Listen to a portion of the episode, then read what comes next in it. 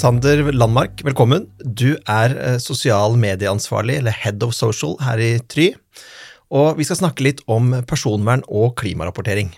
Og det er jo områder man eh, for ganske få år siden ikke tenkte hadde noe med eh, annonsering på digitale flater. Men for å begynne med klima, da. Hvorfor er det en utfordring, et problem innenfor digital annonsering? Vi har jo lenge måttet forholde oss til dette med GDPR, som vi kommer litt tilbake igjen til. Men eh, CSRD og kravene knyttet til bærekraftsrapportering, det er det som på en måte er eh, next up for oss eh, markedsførere. For de aller største selskapene i Norge så vil det gjelde fra og med 1.1.2024. Og forplikte dem til å innhente og kartlegge omfanget av utslipp knyttet til eh, digital markedsføring. Hvor er det utslipp oppstår som følge av annonsering? Det er hele verdikjeden, både i forbindelse med innholdsproduksjonen. Eh, hvor er det vi reiser, og hvordan er det vi reiser dit vi skal for å produsere innholdet? Hvordan er det vi lagrer det, og hvor lenge er det vi lagrer det? Og den største potten går også til selve kjøpene. Kjøpene av annonseplasseringene er forbundet med Uh, mye serverkapasitet og dermed et høyt strømforbruk. Da. Så innenfor dette markedet, som da i andre markeder, så finnes det noen løsninger som er mer klimavennlige, og noen som åpenbart er mindre klimavennlige. Hva er det som eh, skiller de? Det, det, som er interessant, er at bærekraftsrapporteringen og CSRD vil jo gjøre at vi får krav på oss til å innhente all denne informasjonen. Uh, vi jobber med store teknologigiganter, uh, som også kan omtales som Walled Gardens. Det er vanskelig å identifisere om det er eh, Snapchat eller Facebook eller Skipsted som, eh, som eh, bidrar til mest utslipp, men den kartleggingsprosessen den må vi i gang med nå. Og det kan man gjøre ved samarbeid med tredjepartsaktører som er kommet langt allerede. Men hvis da det kommer en bedrift som er en annonsør eh, til deg og sier du, nå har jeg blitt oppmerksom på de nye reglene, eh, hvordan kan du guide dem da? Vi er nå i full gang og har allerede tilknyttet oss noen partnere som kan hjelpe oss med å kartlegge disse utslippene eh, på tvers av kanaler og sammenstille disse til, eh, til en rapport, hvor man da kan lese på tvers av kanaler hvor mye en, eh, en, kampanje bidrar til av utslipp. Og Der også er det etablert for annonsespredningen i seg selv en, en måleenhet for hvor mye uh, CO2 en 1000 annonsevisninger slipper ut, sånn at man har et fast holdepunkt da, å måle en kanal og sammenligne opp imot en annen. Hvem er det, det dette er særlig viktig for? Altså, hvordan er det hvis du sitter i en bedrift og er markedsdirektør med ansvar for mye annonsering? Eh, hvordan, skal begynne, hvordan, skal man begynne å ta tak i dette?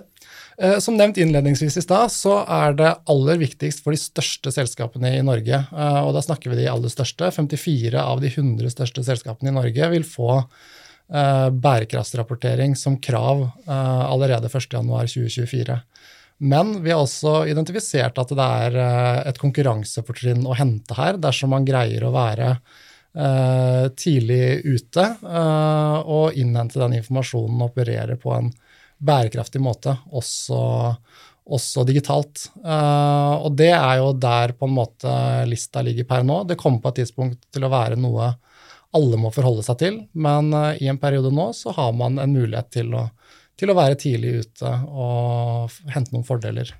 Ja, for det er jo noen som ikke bare vil tenke at uh, pga. et nytt direktiv så skal jeg gjøre det, men jeg har lyst til å være annonsør som tenker grønt. Uh, slags, uh, hvordan kan man gjøre det? Nettopp, og det er veldig, veldig godt poeng, fordi det gjelder både dette med GDPR, men også dette bærekraftsdirektivet.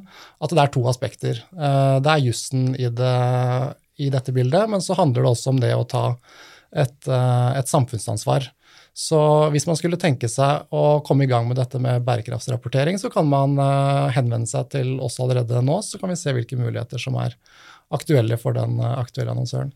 Også et litt, litt mer uh, kjent tema, som jo er GDPR. For der mm. også er det jo ganske strenge krav til rapportering nå. Hva er det, hva er, hvordan føler du at utviklingen er blant norske annonsører på det? Dette er jo et uh, høyaktuelt uh, tema når vi ser til uh, Datatilsynets midlertidige forbud mot Meta. det har nå blitt vedtatt at dette forbudet er permanent og gjeldende for, for hele EU. Uh, på da atferdsbasert markedsføring? Ja, stemmer. Innenfor dette med atferdsbasert uh, markedsføring. Og EU-direktivet som går på dette med GDPR, har jo vært gjeldende siden 2018 og har vært uh, like aktuelt i de fem foregående årene nå. men vi ser at det kommer utviklinger underveis som gjør at vi til enhver tid må tilpasse oss disse reguleringene. Og dette er også noe man må rapportere på? Eh, ja, det er en eh, rekke krav som stilles, både til forholdet mellom en annonsør som databehandler og oss som behandlingsansvarlige innenfor eh, byråbransjen. hvor man da må kunne vise til hvilken informasjon er det man innhenter, hva skal man bruke den informasjonen til, og hvilke rutiner har man for sletting, f.eks. Og det er jo høyere og høyere bevissthet rundt det, det merker vi jo på antall uh, henvendelser. Men uh, hvorfor er det viktig å ta disse direktivene uh, så på alvor? Altså hva slags konsekvenser kan det ha hvis du ikke gjør det?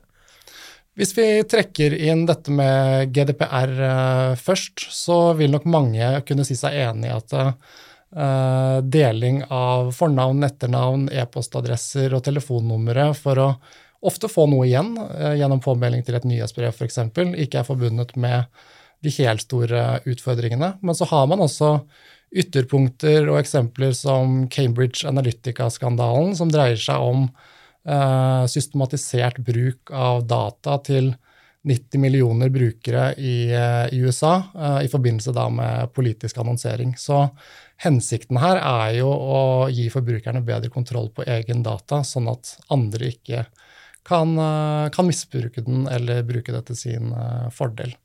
Og Når det gjelder CSRD og bærekraftsrapportering, så er det viktig å påpeke at digital markedsføring utgjør en liten del av dette, eh, bærekrafts, eh, denne bærekraftsrapporten, men at omfanget allikevel er stort. Eh, vi har noen rapporter som bl.a.